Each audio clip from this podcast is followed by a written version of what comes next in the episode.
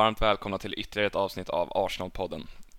Idag kommer vi gå igenom eh, den tuffa förlust mot Brighton och Southampton då och sen även då den fina segern mot Chelsea igår kväll. Välkomna! Och då börjar vi ju med matcherna mot Brighton och Southampton då. då. Det här blev ju två oväntade förluster, två matcher där man tänkte att vi skulle få lite ordning på, på den här krisen som man ändå kände att det var efter, efter torsken eh, mot Palace eh, och en kris som blev ett faktum efter torsken mot Brighton. Um, och det man kände direkt eh, av första minuterna mot Brighton eh, och det var ju vi inne på lite i podden när vi pratade upp den matchen det var ju det här att hur ska vi spela nu Eh, med de här skadorna på Tierney och Partey. Hur får vi ut det bästa av materialet vi har? Eh, är det Xhaka som ska lira vänsterback? Är det Hanlo Konga och Tavares som ska få en chans till? Eh, men som vi såg här allihopa direkt var det ju Xhaka på vänsterbacken och Lokonga som fick försöka axla den här partirollen ensam på mittfältet. Um, och om det var på grund av det som det såg så ångestfullt ut eller om det var en kombination av pressen och eh, den nya liksom, eh, eller de nya spelarna i de här rollerna som ledde till att det såg så ångestfullt ut. Det, det vet vi inte riktigt men eh, faktum var i alla fall att det såg ut väldigt mycket som att alla på planen hade ångest, de såg låsta ut, de såg eh, eh, kreativ, eh, eller det såg ut som det fanns en brist på kreativitet eh, och vi eh, fick helt enkelt inte igång det spelet som vi har blivit så vana vid att se och som vi har blivit så bortskämda med eh, senaste månaderna. Ehm, och inför podden här när vi planerade lite och skrev lite stödord så använde jag ordet eh, skohorn och det gjorde ju flera experter i olika medier eh, det här med att man klämmer in eh, de spelarna man vill ha på planen i positioner där de inte riktigt hör hemma för det känns ju faktiskt lite så som att Arteta har en ganska liten grupp spelare som han faktiskt litar på och vill använda sig av eh, och det blev ju som sagt tydligt här och det måste ha känts jättejobbigt för Tavares som ändå är köpt som, som en ersättare till Tierney där på vänsterbacksplatsen när man ändå klämmer in Xhaka eh, före där. Eh. Ja, alltså spelet eh, fungerade ju inte alls och det blev ju då kanske Xhaka som blev liksom eh, ja men vad ska man säga, den tydliga signalen för det. Inte just för att han var, gjorde någon dålig insats som vänsterback, men hur mycket han saknades på mittfältet och framförallt då eh, Partey också. För vi spelade ju bara runt lagdelarna i båda matcherna mot Brighton och Southampton och även mot Crystal Palace också då eh, delvis. Eh, och liksom kunde inte spela vårt spel upp genom mitten och hitta en Xhaka eller parti som sen kan spela igenom linjerna och hitta en Ödegård som vi har gjort så bra på sistone utan det såg ju helt bedrövligt ut som du säger, ingen kreativitet och framförallt då inget självförtroende eller liksom mod eller fysisk intensitet i några situationer utan vi fallerar ju helt och det är ju som du säger, det är ett väldigt ungt lag och den här pressen som vi har på oss, många av dem har inte upplevt det eh, i sin karriär hittills, liksom att vi varje match är en cupfinal för att få spela i, i Champions League och tävla mot de bästa lagen i världen. Det är en enorm press och en press som vi inte liksom haft tidigare under säsongen där det har varit mer att vi är underdogs. Eh, men nu när vi väl hamnar i den här situationen där som sagt var en match i en cupfinal så verkar väl pressen ha gått lite till huvudet på många. Och det i kombination med de här liksom blytunga skadorna gjorde ju att båda de här matcherna blev liksom total katastrof. Och man har inte känt ett sånt mörker som man kände där sen ja, men början på säsongen när vi också torskade tre matcher i rad. Då i och för sig liksom mot betydligt starkare lag. Men ja, det kändes ju verkligen som att säsongen var död i stort sett. Men på, ja, och på något sätt, eh, något mirakulöst sätt så tävlar vi ju som tur är mot två andra ganska inkompetenta lag just nu i, i Tottenham och United eh, som liksom tappar poäng lite här och var också. Så även innan Chelsea-matchen som vi då kommer in på så eh, var vi ju på något sätt med fortfarande i fighten om topp 4 Um, trots det här. Och det gör ju bara förlusten ännu mer frustrerande för då känner man vilken position hade vi varit i om vi hade vunnit de här tre matcherna. Eller två då när vi snackar om Brighton och Southampton och Ja, sanningen är väl att då hade vi i stort sett haft en spikad eh, fjärde plats och till och med bud på en tredje plats då nu när vi slog eh, eh Chelsea. Så eh, ja, man är ju på bättre humör nu efter Chelsea-matchen men när man ser tillbaks på de här två matcherna så känner man väl dels en enorm frustration men även eller ja, man känner en frustration dels i hur vi spelade men även i oturen vi hade. För vi fick ju som vi har skrivit ner här, bortdömda mål, vi släpper in allt, vi är otroligt ineffektiva på de chanserna vi skapar och om man kollar på liksom förväntade mål och sådär så gör vi inte mål på väldigt mycket skapat.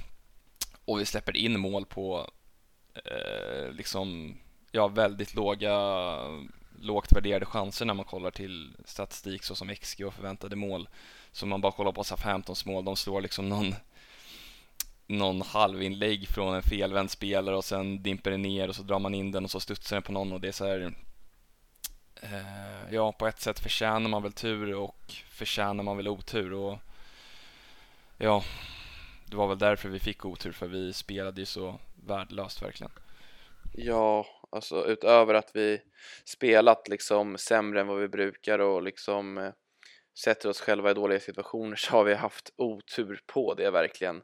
Som du säger, liksom, om man kollar till eh, med statistik och förväntade mått och sådär så, så talar ju allt liksom för att vi borde fått ut mer än vi, vad vi faktiskt fick. Och det blev så talande ändå hemma mot Brighton där liksom att eh, när vi väl hittar den här kvitteringen eh, och man bara yes, nu kör vi, nu tar vi tag i den här matchen, skönt.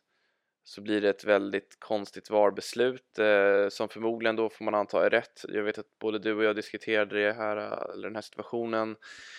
Och situationen är ju den här att Martinelli bedöms vara offside eh, fast man inte riktigt ser helt eh, klockrent om man faktiskt är offside eller inte utan man kan, eh, man får ju anta eh, lite grann. Eh, för att det är ju så att eh, målvakten skymmer eh, ja, men en stor del av spelaren som, som Martinelli bedöms emot liksom, på den här offside-linjen. Eh, och eh, där har det varit lite två läger. Eh, ena läget menar jag att jo, men man ser ändå utifrån den här skon att eh, Martinelli måste vara offside medan det andra lägret menar det att ja, fast man ser ju faktiskt inte till 100% liksom. Man kan inte 100% fastställa utifrån de bilderna som vi alla fick se på på tvn liksom och som man har sett på Twitter och olika, olika medier eh, så kan man inte fastställa med 100% säkerhet att han var offside och då tycker ja, men den hörnan av lägret liksom att hur kan man eh, då döma bort målet och hur kan man efter fem minuters VAR eh, spekulation eh, döma bort det när det inte går att se helt klart. Med det sagt kanske VAR-teamet hade andra bilder eller liksom ja, de förstår väl den här situationen klarare och tydligare än, än vad vi andra, alla andra gör. Men den situationen blev liksom lite talande att liksom till och med där på den detaljnivån ska vi ha en så konstig och liksom otursmässig sak emot oss helt enkelt. Eh, så otroligt frustrerande. Sen som du säger, så 15 matchen släpper in mål precis vid halvtidsvilan efter ändå en lite bättre halvlek. Det kändes som att eh, Eh, Eh, i den matchen med Xhaka tillbaks på mittfältet bredvid Lokonga och Tavares från start att vi ja men i alla fall hittade lite mer till, tillbaka till vårt eh, ja men liksom till vår normala nivå. Men som sagt då 45 minuten ett konstigt mål eh, och vi är eh, tillbaks eh, 100% i den här ångestbåten. Eh, och utöver det i den matchen så har vi ju superräddningar flera gånger om eh, från eh, Forster, framförallt i första halvlek när Martinelli spelar snett bak till en Saka som har ja, men 80% av målet helt öppet och på något sätt så blir det inte mål. Så det var två matcher som var konstiga, frustrerande och ja, det kändes helt enkelt overkligt eh, hur det blev. Om vi då kliver in på gårdagens seger här mot eh, Londonrivalerna Chelsea så var det ju verkligen ett fantastiskt lyft, liksom, dels som supporter då, men framförallt för hela laget och, och hela supporterskaran att, eh, att vinna den här matchen. Och mentalt för spelarna så är det nog ett otroligt lyft också i, i den här kampen om topp 4 och känna att vi har det fortfarande i oss. Vi har liksom den här styrkan, det här spelet som vi har sett de, de senaste månaderna och det var ju en, eh, ja, ganska vågad elva ändå, även om den var ganska defensiv från Arteta. Han ställde upp White som högerback och slängde in Xhaka igen på mittfältet. Lät Eddie Enketia starta sin andra match eh, i Premier League här och han gjorde ju liksom, han var ju lite talismanen för den här liksom mentala vändningen som vi gjorde i den här matchen för han eh, jagade ju frenetiskt allting och, och fixade två mål på grund av det. Och sen så vill jag även då höja Eh, just Xhaka som kom in på mittfältet igen för han Ja, han var en jätte där. Och han, eh, man brukar ju säga liksom låt eh, hyllningarna vara lika högljudda som kritiken. Och det känner jag verkligen här för, här för Xhaka. Fullständigt liksom, ja, han ägde det här mittfältet. I en kamp mot Kanté som ses som en av världens bästa så var det han som var jätten. Och det är inte första gången han gör det mot eh, ett sånt här bra motstånd. Um, men som sagt, det här, att vi kan hålla den här nivån gör ju bara förlusterna mot Brighton och Southampton och Crystal Palace ännu mer frustrerande för man känner ju vart var det här spelet och det var ju det vi satt och skrev till varandra under matchens gång. Bara vart var det här de tidigare matcherna? För man, samtidigt som man var så glad att vi visade upp det mot så pass eh, starkt motstånd som Chelsea så känner man samtidigt ja, att vart hade vi varit om vi hade spelat så här mot i de liksom tre matcherna innan. Eh, jag vet inte vad du har att, säga om den här matchen? Jo, nej man känner ju det och man kände det, vart har det här spelet varit, varför har vi inte spelat så här innan? Eh, och då är det egentligen, man kan göra massa olika tolkningar och, och spekulera hej vilt, men jag känner ju dels så var det ju en match där vi inte hade så mycket press på ett sätt i och med att det var vi var så tydliga underdogs och vi kom från liksom så sargade insatser innan att det var liksom så här ja, förmodligen kommer det bli en torsk till här. Det kommer liksom inte vara en lika chockerande förlust. Vi möter trots allt Europamästarna. Men samtidigt tror jag att den typen av ingångsvärden och liksom eh, ja, men känsla kring matchen gjorde det lite enklare att göra den här typen av insats för det var liksom lite vi mot världen och eh, det var inte den här pressen som det har varit i de här matcherna mot, ja men framförallt mot Brighton och Southampton där det har varit nu måste vi ta tillbaka här, nu måste vi spela och vinna för chansen på topp 4 mot sämre lag som vi bara ska vinna mot. Det känns som att det lätt kan bli en form av låsning då. Nu var det liksom mer, ja men dels som du säger, en mer defensiv elva, mer eh, framförallt i början av matchen liksom kontra med snabbhet och, och rakare spel och inte så mycket bollinnehav. Men jag tycker också att den här matchen var lite som hela Artetas resa och lagets resa i liksom eh, en kortfatt, eh, kortfattad eh, variant. I och med att det var först lite mer fembackslinje som övergick till fyrbackslinje.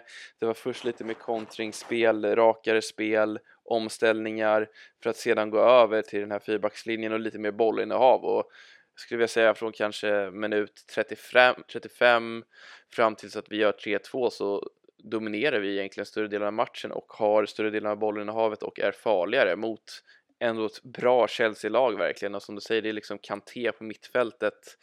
Eh, det är ett lag som har eh, ja, men som egentligen borde gått vidare mot Real Madrid om man ser till liksom chanser och eh, hur de har fört de matcherna.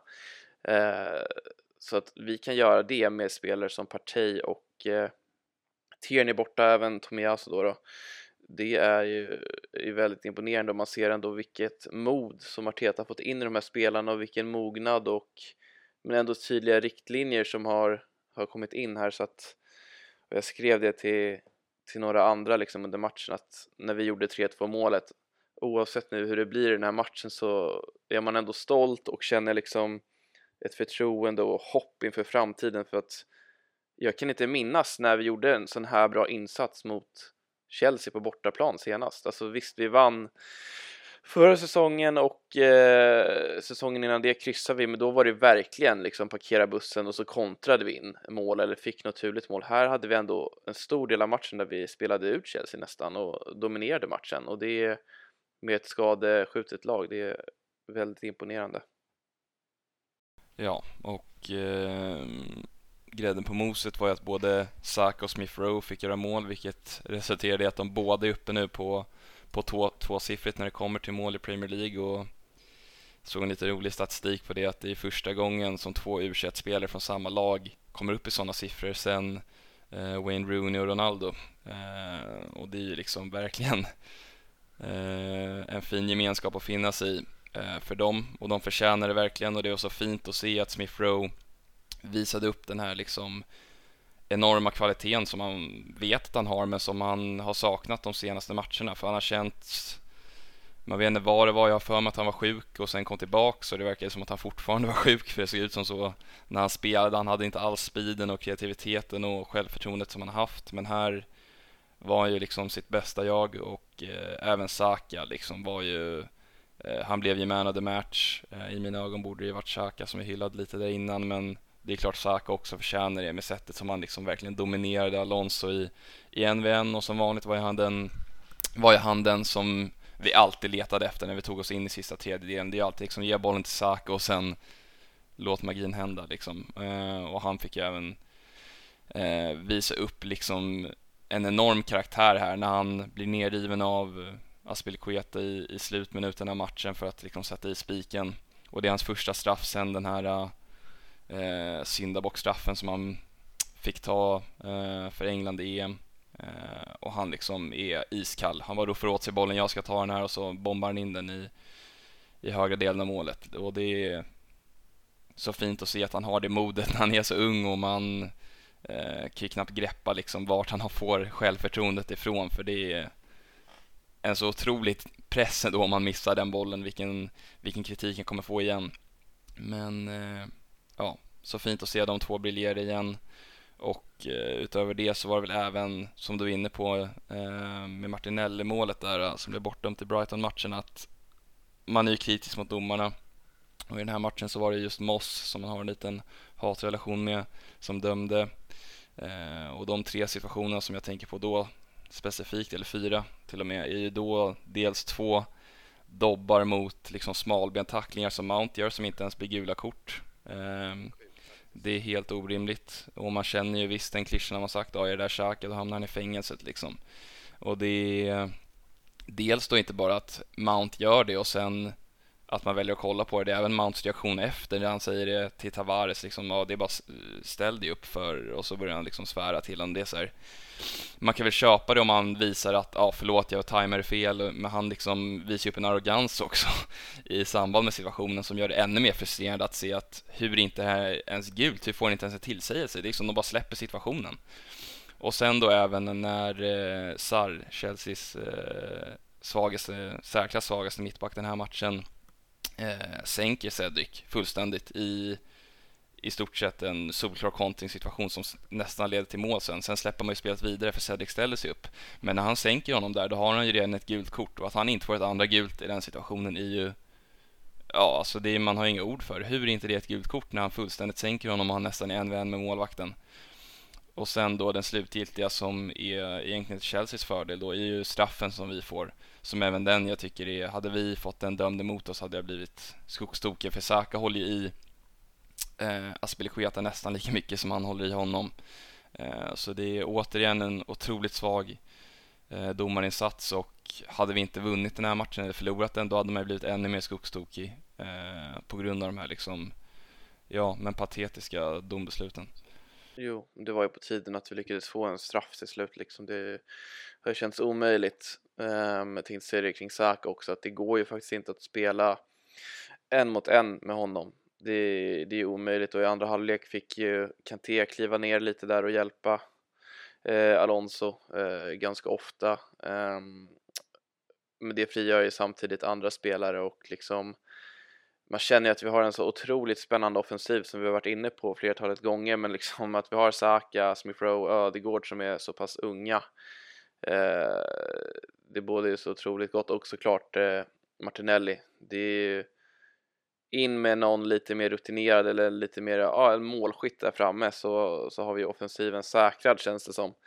Eh, men eh, Saka blir ju hans resa som vi har tjatat om så många gånger men att han kliver in och bänkar miljardvärvningen Peppe och har den här utvecklingen efter straffmissen det är otroligt imponerande och ja, player of the season eh, i Arsenal på honom känns ju i stort sett eh, solklart redan nu. Ja, och den enda frågan man har liksom kring startelvan eh, de kommande matcherna om Eddie ska få behålla sin plats. Ehm, I mina ögon så borde han nog få göra det. Ehm, I alla fall tills han gör en svagare insats. Även om vi vet hur viktig Lacazette kan vara i spelet så visar ju Enketti upp den här matchen, liksom vad man ändå har saknat från Lacazette och det är den här eh, liksom atletiska förmågan. Att liksom sätta en, en snabbare press, att vara liksom lite mer av en outlet som man brukar säga i engelska medier framåt när man bara liksom, vi kommer inte ur pressen, vi behöver bara slå in den på honom och han liksom bröstar ner den och skarvar den vidare på en touch. Han eh, löper in bakom, han vinner nickdueller eh, och alla de här liksom små, små detaljerna som Lacazette inte har, har gjort överhuvudtaget. Och det är inte det att eh, Enketti är någon fantastisk atlet. Det här är liksom det som grundnivån som egentligen ska krävas från en nia i en klubb som Arsenal. Men Lacka har inte visat det på sistone och han har kompenserat upp för det med liksom sin fina teknik och sin, hur mogen han är i, i sista tredjedelen när han får bollen. Men nu när han inte visat upp det så är ju ganska, är det ett ganska solklart val framför honom de kommande matcherna i alla fall i mina ögon. Ja, speciellt nu efter Lacazettes uttalanden om att han vill spela i Champions League och att han vill byta klubb och ja, att han längtar efter Europaspel. Men det känns otroligt oklart och konstigt att uttala sig så, speciellt som lagkapten i den här svåra situationen när vi har torskat tre raka matcher och säsongen är ja, men liksom faller djupdykande. Eh, att komma ut då som kapten med, med sådana uttalanden känns otroligt märkligt. Eh, så att man känner ju verkligen nu att när Eddie tar chansen och laget levererar med Lacazette på bänken då kan han sitta där och gnälla på bänken för att eh, varken prestationer eller Eh, med utstrålning eller någonting eh, talar ju på honom nu. Eh, så att absolut, antingen när man kör en Katja på topp eller slänger in Martinelli på topp eller kör någon falsk nia med Smith Rowe för så som jag känner just nu ska inte Lacazette eh, spela. Och jag tycker även eh, en Katja i den här matchen visade upp ett ganska fint eh, allround-spel. Och det är ändå det största frågetecknet jag haft kring honom. Det är hans ja, men spelförståelse på ett sätt, hans eh, med bolltouch och, och, så vidare. Liksom. Han hade några situationer i båda liksom, halvlekarna där han får passningar lite felvänd och tar någon touch och fördelar bollen vidare på ett klokt sätt. Men man ser också i, i hans andra mål när han vänder bort, lite turligt på ett sätt, men det är en väldigt fin aktion ändå, när han vänder bort en Chelsea-back i liksom mottagningen och kommer i stort sett fri. Sen lyckas han snubbla till lite, men den typen av aktioner och försök, det vill man ju se från en striker liksom, för det är ju otroligt svårt att, att försvara sig eh, mot. Sen har han ju verkligen den här fighter eh, instinkten liksom att han krigar in i det sista och det visar han också på båda sina mål, att han springer och kämpar och liksom bråkar och, och stångas där inne. Sen hade han ju lite tur i den här matchen att båda de sekvenserna leder till mål, men han har ju ändå den instinkten och och den instinkten och den kämpaviljan är ju exakt det Lacazette har visat noll av. Så att eh, eh, Inketias aktier stärktes ju enormt eh, igår, verkligen. Ja, och eh, innan vi går in här på den kommande matchen mot United så vill jag även ge en eloge till både Gabriel och Tavares som båda fått mycket kritik de senaste veckorna, framförallt då Tavares men även Gabriel har fått en del orimlig kritik om att han ska säljas och eh, lite hipp som happ här på Twitter. Men eh, båda de verkligen fina insatser. Eh, Gabriel då som var en jätte liksom i boxen, vann i stort sett allt och även stod för den här eh, Van Dijk liknande passningen ut till Cedric som eh, sen blev halvt kapad då som vi talade om innan. Men sen då även Tavares som Ja, han var ju långt ner i källaren, eller vad man nu brukar säga. Ehm, och eh, att han då kommer in mot liksom, ja, Europamästarna och gör en sån här insats och, och får det förtroendet av Arteta visar ju både på hur mycket styrka han själv har mentalt, men även hur bra eh, liksom eh, eh, man manager Arteta är som lyfter han så pass mycket att han, att han kan spela här och han gör det ju jättebra. Och han får ju exakt den rollen som vi snackade i tidigare avsnitt om att han borde ha när eh, i vanliga fall Tomiyasu är mer inverterad men i den här matchen var det ju Ben White, att han får den här ytan längst ut till vänster och bara liksom använda sin, sitt fina löpsteg och sin instinkt att löpa in bakom och, och löpa in på insidan av planen och kombinera och ja, men gör det han gör bäst. Det var, det var fint att se och um, just nu känner man väl inte samma stress att få tillbaka Tomiyasu när vi har sett att Ben White kan uppfylla den rollen och då automatiskt blir ju eh, Tavares så mycket bättre. Ja, det som är fint med Tavares också det är att han erbjuder ju lite ett annat alternativ kontra Tierney liksom att visst Tierney är bra offensivt men jag tycker nog ändå Tavares är ännu bättre offensivt på ett sätt för han är ju mycket mer atletisk och mycket mer svårstoppad när han dels hur han kan bryta bollen högt upp som han gör vid Enketias andra mål att liksom han läser en passning och bara bombar fram. Och ofta tycker jag ändå han väljer rätt alternativ när han kommer i de här offensiva situationerna. Så att eh, eh att ha han i laget vet inte hur man liksom kunde på ett sätt glömma bort det men när det såg så himla mörkt ut mot speciellt Palace där eh, så kändes det som att ja, det är bortkastade pengar, vi borde bara göra oss av och göra om, göra rätt i sommar och få in en ny ytterback. Men i den här matchen visar han och även mot 15 visar han att han kan ju inte göra samma roll som Tierney liksom och vara lika god defensivt men i rätt roll som du säger med rätt liksom balans på laget så är han ju hur bra som helst egentligen. Och eh, i den här typen av matcher när man måste vara lite mer pragmatisk och ja, lite mer försiktig mot toppkonkurrenter så är det ju verkligen otroligt nyttigt att ha den typen av spelare för att eh, och speciellt också om man kör med Smith Rowe som gärna vill kliva in i banan och så kommer Tavares lite mer på ytterkanten liksom så eh, är han ju otroligt nyttig. Så att eh, verkligen ett eh, en lans för honom och eh, Um, nu känns det ju verkligen som att han är given framöver här att eh, antingen om vi kör White på samma sätt eller om Tomiyasu är tillbaks. Oavsett så, så kommer han kunna ha den rollen. Ehm, så där känner man sig betydligt mera trygg.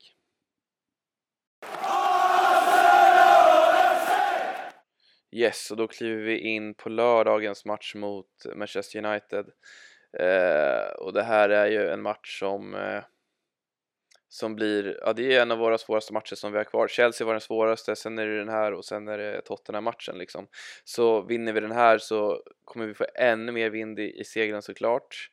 Eh, och det är ju en match som på förhand känns som Ja men om man jämför med Chelsea-matchen som kändes som en given förlust så känns det här inte som en given vinst men det känns absolut som en match vi bör eh, kunna vinna.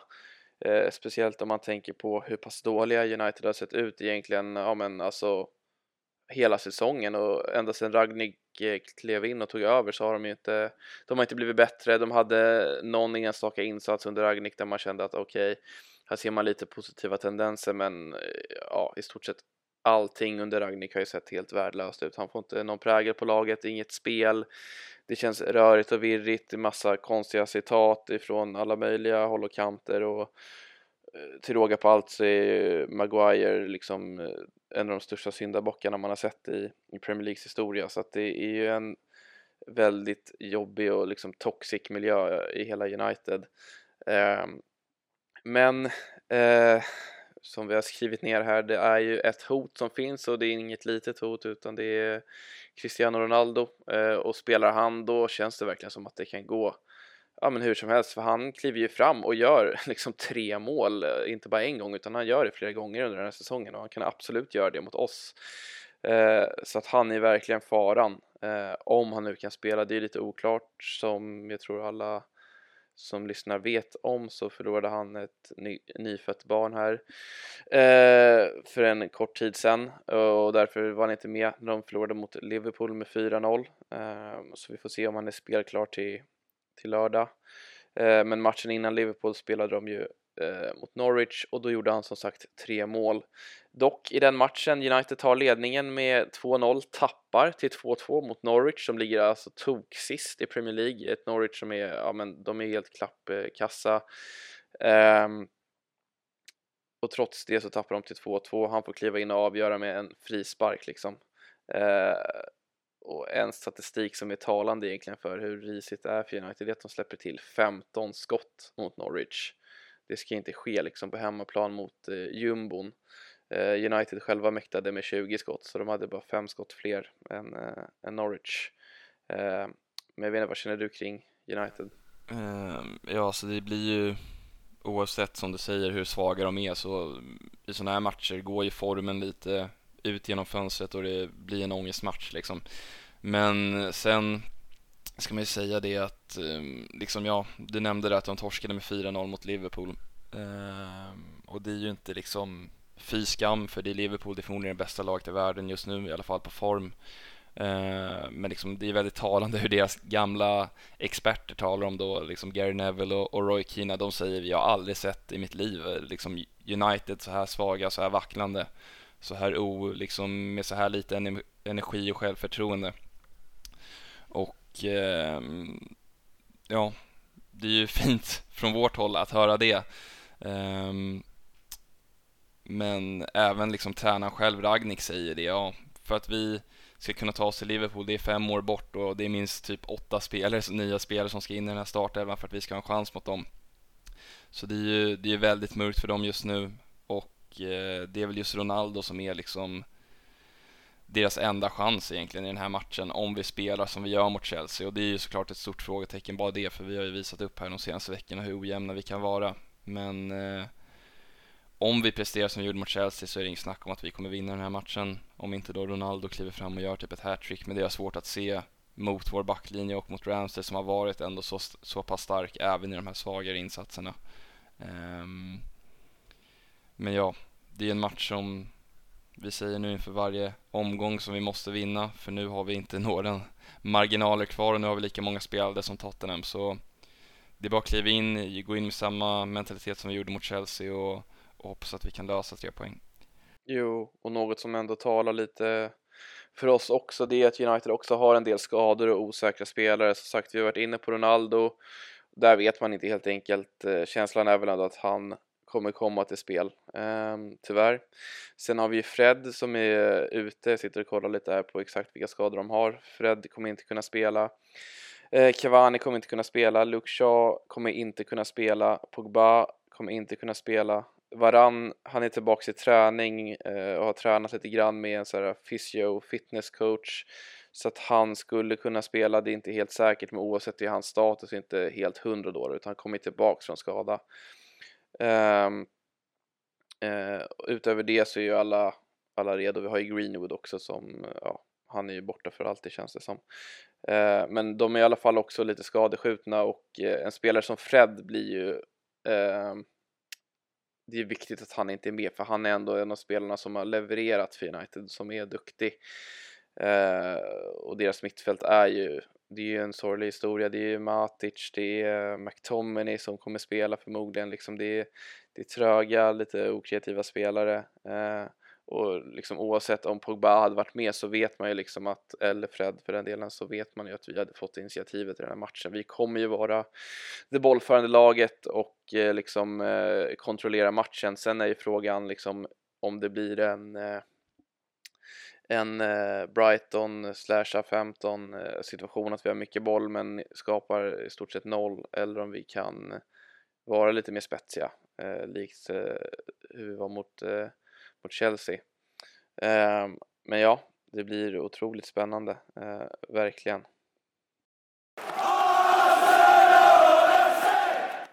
Så, där tackar vi för idag som vanligt. Tack så oerhört mycket till alla er som har lyssnat och Eh, det är bara in och följa, prenumerera, kommentera överallt. Twitter, Spotify, Apple Podcasts. Ehm, och så hörs vi igen eh, nästa vecka efter förhoppningsvis tre poäng mot Manchester United på lördag. Yes, tack för oss.